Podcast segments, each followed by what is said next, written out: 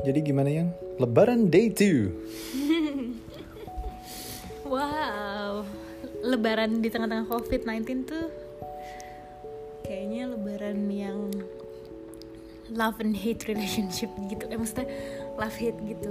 Love karena akhirnya esensi lebaran tuh bener-bener kerasa gitu bahwa yang penting adalah bersilaturahmi dengan keluarga terdekat. Karena kayak ada beberapa yang mungkin pernah mengalami yang namanya nggak bisa lebaran sama orang tua atau mungkin udah musuhan atau nggak ngomong sama keluarganya begitu lama tapi begitu lebaran kali ini we're on the edge of I mean, kayak fine line between lo hidup atau lo mati gara-gara covid. Jadi kayaknya suasananya tuh lebih hangat dan akhirnya esensi lebaran itu bener-bener kerasa. Itu love-nya to love-nya. Hate-nya? Hate-nya adalah ketika banyak yang masih memaksakan untuk merayakan lebaran dengan sesuatu yang baru sampai mengorbankan peraturan. Itu kayak hate-nya tuh di situ sedih aja karena ya aku berdoanya semoga apa yang kita lakukan dua bulan ke belakang ini tidak menjadi sia-sia over one day to celebrate gitu. Aku nggak kuat ketemu banyak orang. Terbukti barusan tidur 6 jam. Iya Jam sih 10 sampai 16 Tapi kamu bayangkan ketika ini lebaran tanpa covid gitu loh. Kamu gak akan ketemu lebih banyak orang lagi. Nah Karena sebelumnya tiga bulan di rumah aja kerja apa segala bener-bener gak ketemu banyak orang kan? Iya, nggak move from places to places. Iya move from place to place udah. Jadi dari Rumah apartemen rumah. ke tempat kerja balik udah. Kalau lebaran kemarin kan dari apartemen rumah ibu ke rumah tante ke rumah pembawa eh, keluarga kamu ke rumah ibu lagi ke rumah tante jadi tiga bulan di rumah aja sendiri tiba-tiba harus mendengarkan banyak percakapan? Hmm. ya walaupun aku juga nggak ngobrol kan. Hmm. aku cuma dengerin. Tapi itu lumayan bikin capek loh ternyata. Iyalah. Jadi aku cuma takut setelah covid ini dengan kebiasaan baru yang akan diruntuhkan lagi. Kan kebiasaan barunya adalah the new normal kita di rumah aja. Iya, ngobrol juga cuma sama kamu sama kerja. Iya Tapi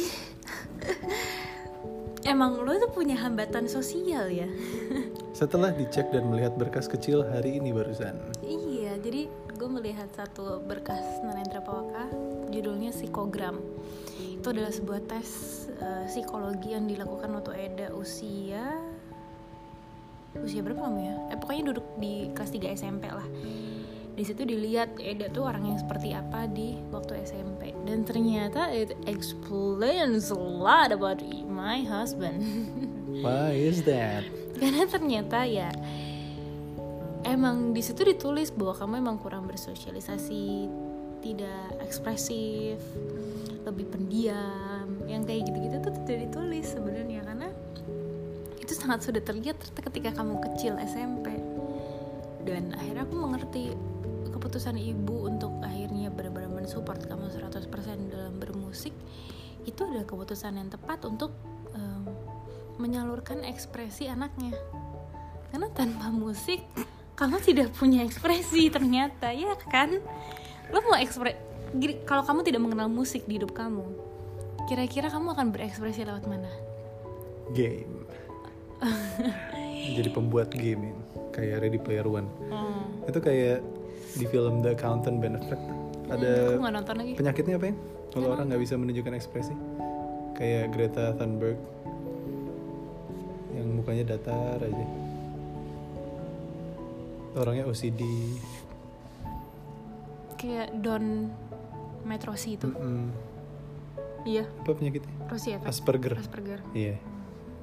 Asperger ya kan? Spektrum emosinya sempit. Iya cuman aku yang aku lihat juga di berkas itu adalah kemampuan verbal sama konseptual aku yes tinggi. betul. Jadi sama daya ingat aku tinggi. Betul di situ Ternyata. di situ dilihat aku bahwa memilih ternyata kamu tidak ingat ini. Iya, kamu tuh bisa menyelesaikan masalah yang secara konsep tapi bukan analisa yang dalam. Mm-mm. nah sebenarnya aku agak nggak ngerti sih maksudnya psikolog itu apa. Kontras ya. Karena eh, di situ dibilangnya kamu tidak bisa menyelesaikan masalah yang berhubungan karena itu membutuhkan analisis yang lebih dalam Hmm. sedangkan lu anaknya cocokologi banget Hmm. gitu tapi ya justru karena aku nggak punya analisa jadi aku mencocok-cocokkan aja iya sih tapi aku jadi mikir apakah karena lo tidak menyelesaikan masalah secara analisis terlalu dalam jadi you choose not to care iya ya ya lu begitu ada masalah disengage disengage ya gitu karena aku udah tahu konsep masalahnya iya jadi kayak ah ini mah kayak dulu udah Iya. disengage Mm-mm. gitu Mm-mm. jadi all you need adalah ini konsep masalahnya drama. Ah, ya udah. Bodoh. Gue ngerti nih caranya. Heeh. tapi gue nggak tahu betul. ap- apa pendalaman analisanya dramanya kenapa. Iya, sedangkan hasil psikologi aku yang dilakukan waktu aku kecil adalah aku kemampuan aku dalam memahami masalah itu cukup baik Mm-mm. ternyata. Dan soalnya aku kalau ngeliat sesuatu ternyata aku suka neliti. Kira-kira dia kenapa ya kayak begitu? Oh iya mungkin kita lihat background keluarganya begini. Dulu masalah dia waktu kecil ada begini-begini. Makanya sekarang dia tumbuh menjadi orang yang seperti ini gitu. Jadi wow kemampuan konseptual kamu nggak ada gitu tulisannya tadi kayak Oke, cuma berarti you kemampuan need me ibu tuh akhirnya tadi kan kita ngelihat berkas itu bersama ibu akhirnya ibu juga bilang itulah kenapa kamu sama mas Eda tuh emang berseberangan ibaratnya jadi ya em, jadi ya saling ngisi ngomongnya gitu terus aku jadi kayak oh iya juga ya jadi kamu ngerasa perjodohan ini semakin benar Wah, sangat sih.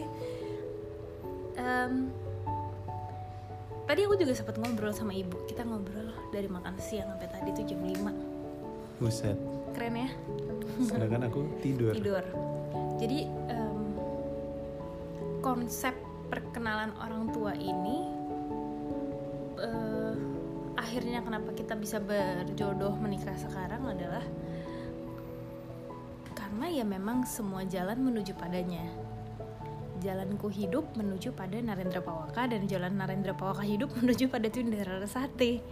S- Ini kalau di dibahas secara cocokologi itu sadis banget gitu. Karena bener-bener eh, banyak yang nggak tahu eh, eh sorry gue tepuk tangan. Banyak yang nggak tahu kalau kita dulu hampir tetanggaan. Iya. Jadi dulu gue pernah tinggal di Jakarta Pusat eh, di satu daerah di Jakarta Pusat di mana selang dua atau tiga tahun ya sebelumnya itu ibunya Eda itu tinggal di rumah sebelah rumah yang gue tempatin. Wow. Yaitu fact check number one gitu kan. Dari situ gue jadi punya sesuatu untuk dibahas. Jadi something in common kan sama Eda. Iyalah pekarangan tempat tinggal. Iya. Masa nggak dibahas? Iya. So it's kind of like I, I grew up in the same home. Hmm, neighborhood. Neighborhood ya. Ya. Terus em, banyak fakta-fakta yang membuat oh ternyata keluarga kita tuh deket ya gitu. Kayak eh, bokap gue punya bekas atasan yang ternyata bekas atasannya itu sahabatan sama eyang kakungnya Eda iya yang ternyata bokap gue udah lama ceritanya nggak ketemu sama atasannya dia ini. Mm-mm. suatu ketika dia dipertemukan lagi dan dekat sama beliau ngobrol becoming friends and itu ada cara apa sih itu? Aku have no idea juga ya. Akhirnya spend lots of time together lagi. Dan di situ pas ketika Eda lagi melamar. Beliau-beliau ini merupakan orang-orang yang cukup manas-manasin bokap gue waktu itu gitu. Iya. yang lu oh anak lu eh, sama anaknya Ayu dia Pasha. Oh gue kenal kakeknya mertuanya. Begini begini begini mereka keluarga yang begini begini. Iya, iya. terus udah aja sama mereka gitu. Dan gue nggak tahu gitu ya. Em, akhirnya gue jadi punya kesimpulan apa kabarnya ya kalau dulu Eyang Kakung itu tidak melakukan apa yang dia lakukan? Iya. Kalau Eyang Kakung itu bukan Eyang Kakung.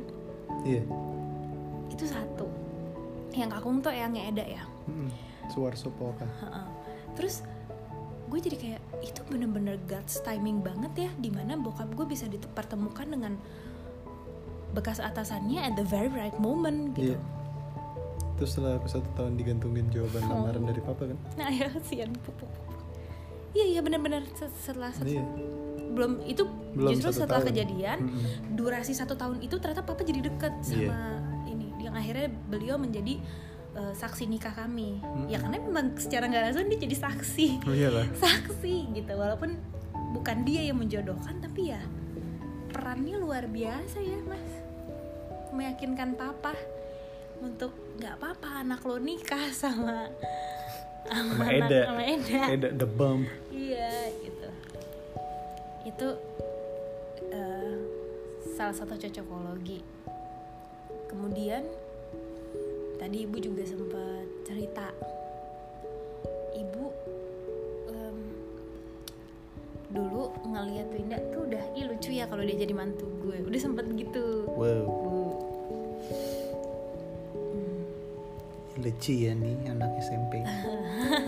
Eh, aku nggak tahu sih ya maksudnya kata-kata ibu persisnya di dalam hati gimana tapi ibu tidak memaksakan itu gitu dan ketika ibu ketemu sama Mome em, itu kira-kira berapa ya lima tahun setelah aku kenal sama ibu Hmm. ya kan ibu ketemu sama Mome itu juga ketemunya emang di rumah aku lagi ngajar cuman karena kelasnya ngaret ibu jadi nunggu dan lagi nunggu tiba-tiba Mome keluar kamar ngobrol sama ibu What? jadi it, it was very coincidence Di meja kali. makan rumah di meja kamu? makan rumah aku itu What? terjadi tuh perjodohan itu ibu juga cuma ngomong lucu kali ya Mome kalau kita besanan gitu dah Itu yang pas ini ya one one itu ya? iya Apa, satu akademi Satu akademi. Mm. terus Mome juga be like ah ya kita berdoa aja ya gitu Iya kan momennya sering digituin. udah sering digituin ya anaknya cewek semua kan Ah, hai. udah tuh Anda, abis itu nggak ada follow up apa apa kan Iya.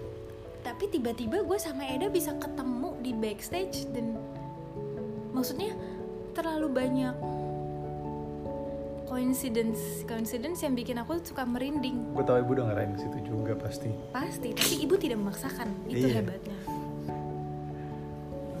Dan nggak tahu dari dulu tuh waktu aku dulu awal-awal eh, di organisasi sama ibu gitu ya aku tuh nggak pernah boleh nginep kan ceritanya. Terus waktu itu aku izin sama mami mami aku mau ada acara nih bikin acara di FX Panitia nginep. Boleh nggak aku nginep? Pertanyaannya waktu itu adalah kamu tidurnya sama siapa? Terus aku bilang sama ibu Ayu. Oh iya boleh. Wow. jadi kayak at some way my parents tuh udah percaya sama nyokap lo Iya. Lol. gitu. Jadi aku tuh kayak oh, wow Tuhan bener-bener.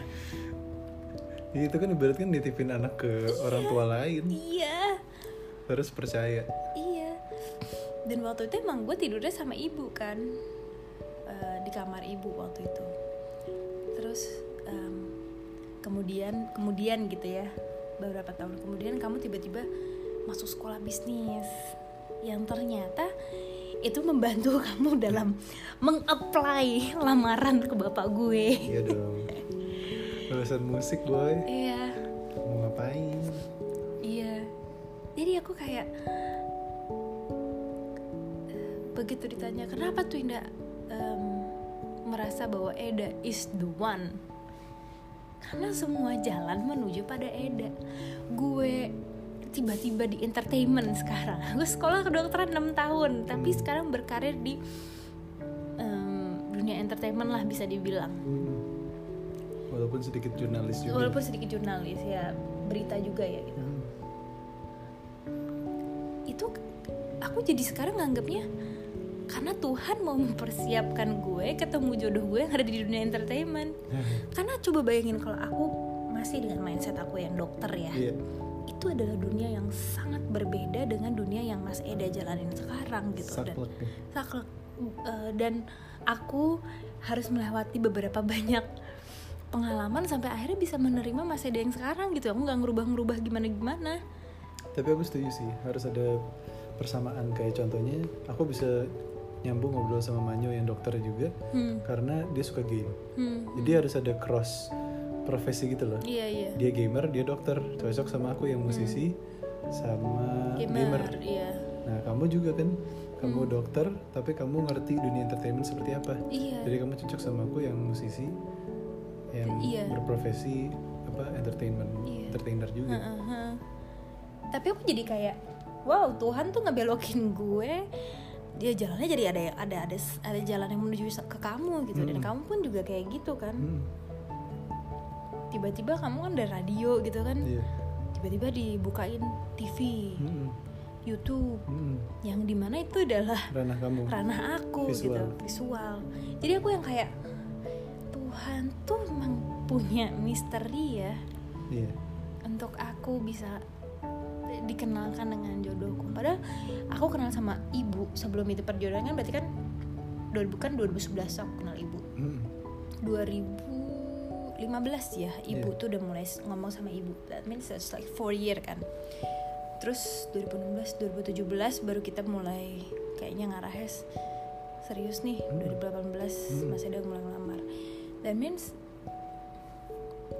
ibu tuh ngebatin dua tahun minimal kali ya hmm. Lucu nih anak jadi mantu gue. Dua tahun tapi ibu tidak pernah eksekusi. Ya kan? Iya. Nggak pernah. Chill aja cuma dalam hati. Karena ibu juga bukan tipe orang tua yang kamu harus begini. Ya enggak. Ibu tuh nggak kayak gitu sama sekali. Ibu tuh ibunya Eda. Dan aku sama ibu juga kerja profesional aja gitu ya. Iya. Tiba-tiba pas emang available tuh ya kok ya bisa. Pas waktunya itu loh. 1 Oktober 2016 iya. Di Kuncit. Mm-mm. Itu pertama kalinya aku ketemu Mas Eda for real. Di Kuningan City. Salut sih aku. Karena ternyata ternyata butuh waktu. Hmm, dan begitu itu semua tepat itu kita trace backnya luar biasa gitu. Iya bayangin aja kita baru ketemu 2016 nikahnya 2020 gitu. Iya. Butuh waktu. Oh itu iya gitu. Dan Cuman- barusan part kamu menganalisa dalamnya. Iya betul. Dan aku yang Iya, iya. enggak tapi main blown aja juga gitu. Eyang Kakung. Mm-mm. maksudnya Eyang Kakung sekarang udah almarhum Uti Kakung Uti Kakung Mm-mm. Eh, itu, itu kakek nenek aku. nenek iya. Tapi masih tetap membantu cucunya buat dapetin jodoh. Iya. Itu ngajarin aku bahwa kita hidup di dunia harus bener-bener baik sama semua orang karena itu ngaruhnya ke anak cucu. Itu bener santai santai. Iya benar. Iya kan? Gila lo kalau dulu kakung ternyata samuan yang gimana gimana. Kan itu akan turun iya ternyata turun cucu benar ya once again Kakung itu menjalani hobinya Iya. nanam durian itu kalau menurutku adalah eh, tugas terakhir dalam kehidupan Hmm. jadi Menjalankan tugas hobi. tugas hidup itu kan kalau kamu udah bisa survive Hmm. kamu lewat satu tuh Hmm. Hmm. kalau kamu udah bisa survive kamu nyari skill itu udah Hmm. lewat misalnya kakung skillnya ya Hmm. TNI gitu kan Iya, iya. setelah kamu survive skillful kamu eh, satu lagi itu apa ya survive skillful sukses Iya. ya kamu merasa settle Hmm. nah setelah itu apa lagi kalau kamu Iya. udah di atas kamu udah Hmm. mencapai goal kamu Hmm. ya satu lagi adalah legacy berdampak setelah kamu mati Iya. ya kalau kakung ninggalin legasinya dari hobinya itu menanam duren Iya. sampai akhirnya sekarang punya kebun durian warso Iya. yang memang tidak dipungut tiket bagi siapa pun yang mau masuk Iya. Nah dari hobinya itu yang akhirnya bisa menikahkan cucunya itu Iya yang sih. lucu. Iya. Nah kalau menurut aku itu adalah conceptual thinking, Iya. Um, thinking ke masa depan, Hmm. being visionary dengan menjalankan hobi. Iya. Nah itu menurut aku adalah fine balance dalam hidup sih. Iya. Kamu bisa menjalankan apa yang kamu cintai, tapi dengan menjalankan itu juga tidak merugikan orang lain apa pun apalagi keluarga kamu tapi malah ibaratnya menaikkan derajat keluarga dan menguntungkan bagi orang lain Hmm. ya kan punya kebun durian Hmm. nah buat aku kalau conceptual thinking itu didasari dengan mindset yang kuat Hmm.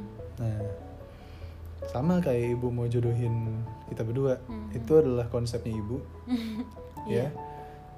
Cara dia mencapai ke sana adalah dengan mengimplement mindset ke aku dan kamu misalnya Hmm.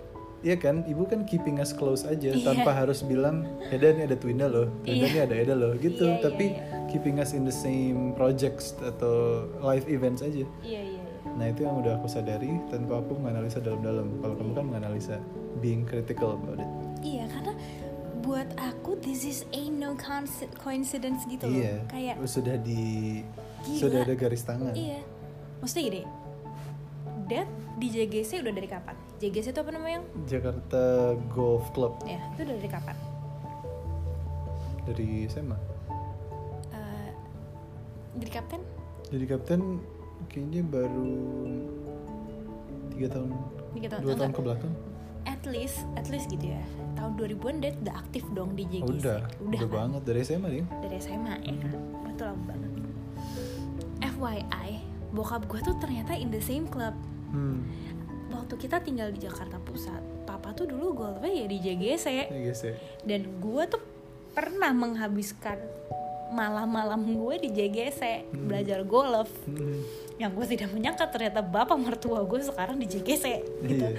jadi aku kayak hah sedekat itu Ternyata. ternyata Iya makanya kalau orang-orang bilang ya lihatlah yang dekat itu benar. Iya sih.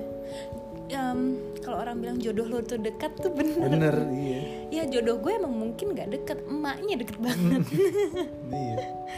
ya kan waktu itu ya berarti kan kita tujuh juta, em, sorry lima tahun lah ya tidak lima tahun tidak dekat. Hmm. Tiba, tapi gue deket sama nyokapnya Hmm.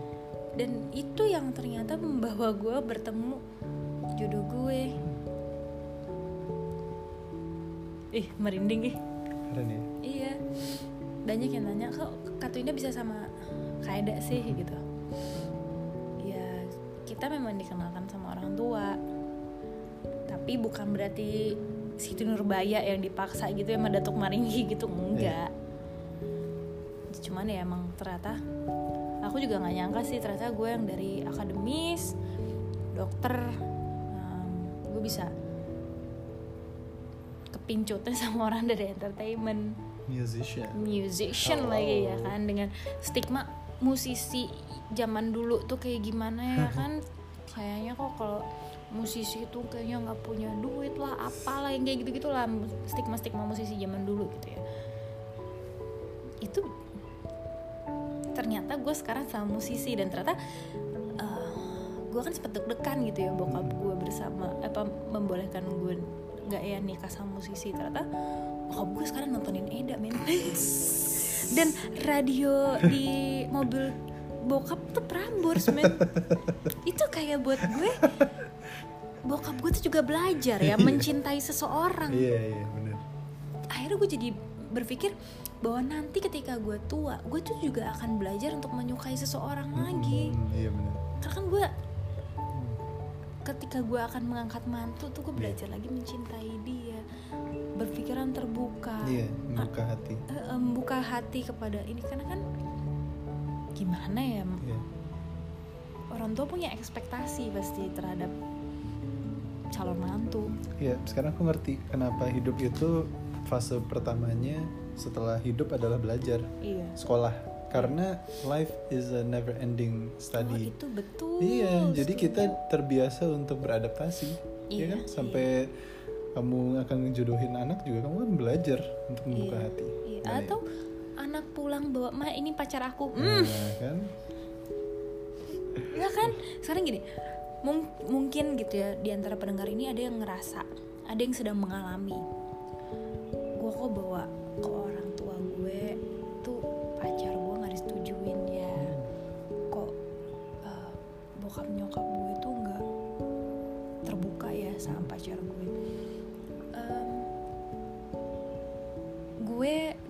ini based on my experience and seeing my sisters juga ya. Bokap gue tuh orangnya strict in terms of pasangan hidup anaknya. Itu jelas. Itu jelas. Karena setelah gue pikir-pikir ya background dia adalah TNI terus anaknya perempuan semua. Jadi pasti dia ngejagain banget Hmm. anak-anaknya gitu. Gue eh, setelah gue mengalaminya ya gue merasa waktu gue mau nikah sama Eda tuh kita juga perjuangan juga ya walaupun kita dijodohin tapi kita juga ada perjuangannya. Hmm. itu gue ngerasa emang satu timing Tuhan tuh nggak pernah salah. Kedua walaupun lo sebenci-bencinya ya sama cara orang tua lo untuk ngasih tahu dia bukan jodoh lo. Hmm. tapi kadang-kadang dengerin deh orang tua. Gitu maksudnya gimana sih? Iya, iya. kadang-kadang lo deh yang buka. Kadang-kadang kan soalnya pernah tuh gue ngerasa marah banget Hmm. kok begini sih keadaannya gitu gue pernah di ada ada di posisi di mana gue sangat marah pada situasi tapi setelah gue pikir-pikir setelah gue ngelewatin oke emang that's just the way Hmm. And itu gimana cara orang tua make sure bahwa anaknya tidak di underestimate sama orang lain Iya. gimana karena menurut gue perjuangan menuju menikah itu penting Hmm. kalau lo kegampangan kegampangan bukan dalam arti kata lo perempuan gampang atau lo laki-laki gampang tapi maksudnya kalau kalian berdua tidak melewati perjuangan itu Mhm. kalian berdua nggak tahu susah bareng Iya. sedangkan menurut gue susah bareng itu salah satu hal yang penting Iya. karena lo jadi melihat nih orang ini kalau susah tuh gimana Hmm. itu penting banget Iya. karena lo akan jadi melihat karakter dia dalam menghadapi masalah dia orang yang sabar apa enggak dia orang yang em, bertanggung jawab apa enggak Iya. ya kan? Kan gini kalau misalnya lo, lo nggak ada perjuangan lo nggak pernah ngeliat dia sulit. Terus suatu hari lo menikah dan eh, ternyata setelah menikah lo dikasih beban lo dikasih ujian. Terus baru keluar. Ternyata dia orang yang pemarah apa segala macem. Dan itu berbeda jauh sama ekspektasi lo sebelum lo menikah. Itu pasti akan membawa drama lagi dalam hidup lo gitu bumbu lagi kan.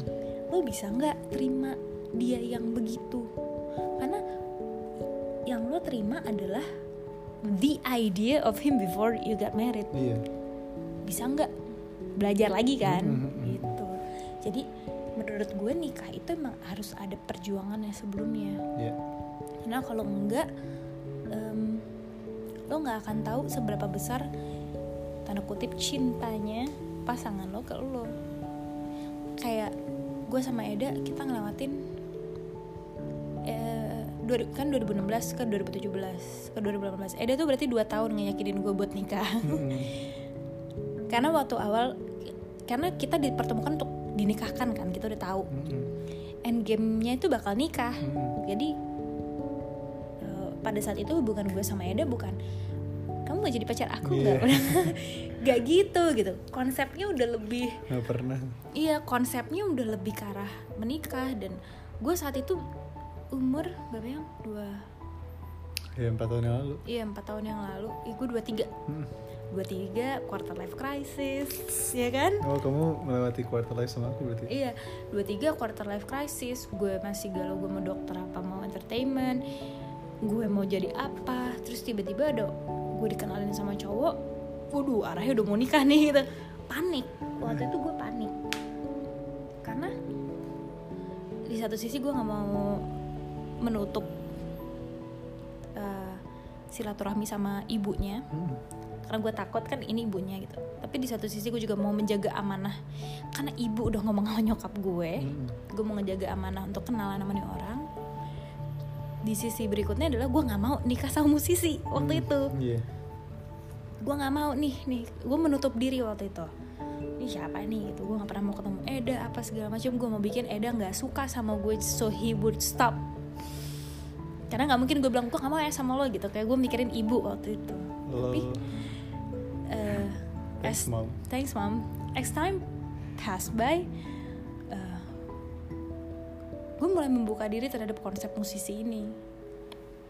Gue membuka diri terhadap konsep Narendra Pawaka gitu. Dan tapi aku waktu itu kita udah berkomitmen ya bahwa eh kita nih udah tahu nih endingnya gimana. Hmm. jadi kita kenalan. Kita bahasanya waktu itu kita nggak kita nggak pacaran kita nggak pacaran ya. Enggak. jatuhnya kita tuh namanya penjajakan pengenalan. Karena kita udah tahu kalau kita udah komit bareng. Itu taaruf. wow wow gue nggak berani ngomong ke arah situ sih beb. Tapi yang jelas kita udah tahu kalau kita udah ngejalan udah berkomitmen satu sama lain end game-nya adalah wedding. Mm-mm. end game-nya adalah husband and wife bukan tipe pacaran yang jalanin aja dulu. Kita lihat se- sifat satu sama, Gue sama Masih lain zaman bro. wow. Umur lu udah 25 iya. Waktu itu aku 23 muda belia. Mm-mm. jadi ada butuh 2 tahun untuk meyakinkan gue Yes. bahwa kayaknya gue end game-nya sama Eda. Kayaknya ini jodoh gue gitu. Dua tahun. Setelah dua tahun itu Eda ngomong sama bokap gue Infinity War iya kalau di Marvel. betul ngomong sama bokap gue ternyata butuh satu tahun lagi untuk meyakinkan bokap gue Baru Endgame. baru akhirnya kita lamaran yang itu pun juga eh, diundur satu bulan dari eh, Agustus. Agustus tadi kita mau lamaran Satu Agustus Agustus. 1 Agustus Jadi 1 September. kita undur satu bulan karena kebetulan keluarga gue eh, mendapat kabar duka Mm-mm. Ada saudara yang meninggal yang kita nggak mau lah bersenang-senang di atas kesedihan saudara Iya, tapi justru pas diundur jadi tepat satu tahun dulunya aku ngelamar di tahun Betul, sebelumnya. 1 betul. September 2018. 18 Iya, jadi 1 September Eda mel- Mantap. melamar Terus bokap gue bilang, tar dulu ya gue mau kenalan dulu sama nih anak 2019 bokap gue ngeiyain Di 1 1 September. September. Jadi makanya akhirnya gue di situ yang merasa wow Tuhan tuh punya timing ya karena kok bisa bisanya disamain banget itu tanggalnya Ya, jangankan tanggal lamaran yang tanggal nikah juga 7 Maret tuh. Kalau kita nikah 14 Maret belum tentu bisa. iya betul Pan- pandemi. betul betul itu juga ada perjuangan nih kita bikin pernikahan itu gitu jadi emang gue percaya banget bahwa hidup tuh emang perjuangan. Karena kalau nggak perjuangan ya lo nggak tahu aja. Lo nggak bisa bilang eh, apa ya kasarnya lo nggak bisa bilang lo kaya kalau lo nggak pernah ngerasain miskin sebenarnya. Karena kalau lo kaya dari orang tua lo that's a privilege. Tapi kalau lo dari miskin menjadi kaya that's your uh, wealth. Hmm. itu kekayaan lo. Hmm. Gitu. lo nggak bisa merasakan yang baik kalau lo nggak pernah dijahatin sama orang gitu. Oke. jadi buat kamu yang lagi ada di perjuangan sungguh sabar karena pilihannya antara dua dia bukan jodoh lo dan Tuhan lagi kasih tahu ke lo atau dia dia tuh jodoh lo cuman Tuhan lagi nguji kesabarannya dia dan nunjukin ke lo betapa bertanggung jawabnya dia untuk menjaga lo seumur hidup lo karena dia yang tanggung jawab sama orang tua lo Hmm. jadi sabar aja Itu bagus. ya kan Karena merugilah orang-orang yang tidak mengingatkan untuk saling sabar. wow wow wow wow, wow. Ini dari surat Al-Asr. wah keren tepuk tangan mulu sih emang lagi sorry sorry sorry Kayak, aku tuh soalnya mind blown gitu loh dengan konsep konsep pada waktunya Iya. yang orang bilang tenang semua ada waktunya Iya. itu bukan a cheesy talk no Demi masa itu. betul itu benar-benar Demi waktu. yes Itu surat ya. iya itu ada tuh di tawa-tawa ISQ sih. itu ada di Yes. ISQ ada Ginanjar eh kamu. ISQ ta- tahun berapa ya Lupa aku 2006 Tahu aku lupa. aduh please dong 2003 atau 2004 kali. janjian kita samaan lagi kamu ISQ dulu di mana Di nggak tahu di gedung. hotel Bukan kayaknya. aku di Grand Cempaka Putih situ Oh bukan. Nah, main blown banget kalau ternyata kita pernah satu eh kita pernah tapi satu event Kapan? pernah Ya sering. iya Oh. Oke, aku akan namain episode ini The One Where Twinda knows that Narendra is the one. Iya. wow eh itu kayak ini deh judulnya Friends deh. Iya betul. oh kan? Nah, eh aku lagi nonton Friends loh. Conceptual thinking. Yes conceptual thinking. Eh tapi aku ini aku udah mudahan enggak enggak enggak. Aku cuma pengen aku cuma pengen bilang kalau misalnya ada yang ngedengerin ini terus kalian lagi merasa sedih gitu ya. Kayak kayak kayak gue bisa relate atau kok kayaknya eh, kok kayaknya masalah cinta gue berat Hmm. banget ya sekarang. Coba deh share ya ke cerita apa ya? Apa podcast sih? Kamu Coba catatan akhir malam. Ah, itu, Ya, catatan akhir fail. malam. fail fail fail fail fail. Terlalu analytical Iya, sih. Share ya ke- ingat jadi tipis. Sorry. Share ya ke catatan akhir malam podcastnya Eda di Prambors. Aze. Ke narendrapawaka@gmail.com nah iya. Nanti sama Mas Eda dibahas. Dia buk dia bukan pakar cinta sih tapi dia bukan aku cuman pakar baca email. Betul. Iya. tapi dia pernah jadi penyiar. Nyar apa Rhythm of Aduh, Love yang ternyata waktu dulu gue dengerin. Ke SMA waktu SMA gue dengerin dia. Mantap. Eh, hari Sabtu, Sabtu. malam mingguan ya kan? Terus gue dengerin nih orang ih om om nih pasti. Wow. Maaf om omnya Ternyata gini. cuma beda 2 tahun. Ya dia lebih tua loh dari gue. Iya 2 tahun. Iya. Terus kenapa? Itu di highlight. Enggak banyak yang ngira kita nikah muda. Oh oke. Nggak muda udah mau 30 iya sebenarnya dia tuh tua ya dia 29 Mm-mm. gue udah tahun ini 27 Mm-mm. jadi buat orang yang ngira gue masih SMP, kemarin aku dibilang betul. ah. Ah kemarin ada yang bilang aku nikah muda. Lol aja sih. Ternyata udah. Ternyata udah. Tante. berarti- eh iya sih aku udah punya ponakan. Ya udah gitu aja jangan lupa ya kirim ke podcastnya Eda catatan akhir malam. Yes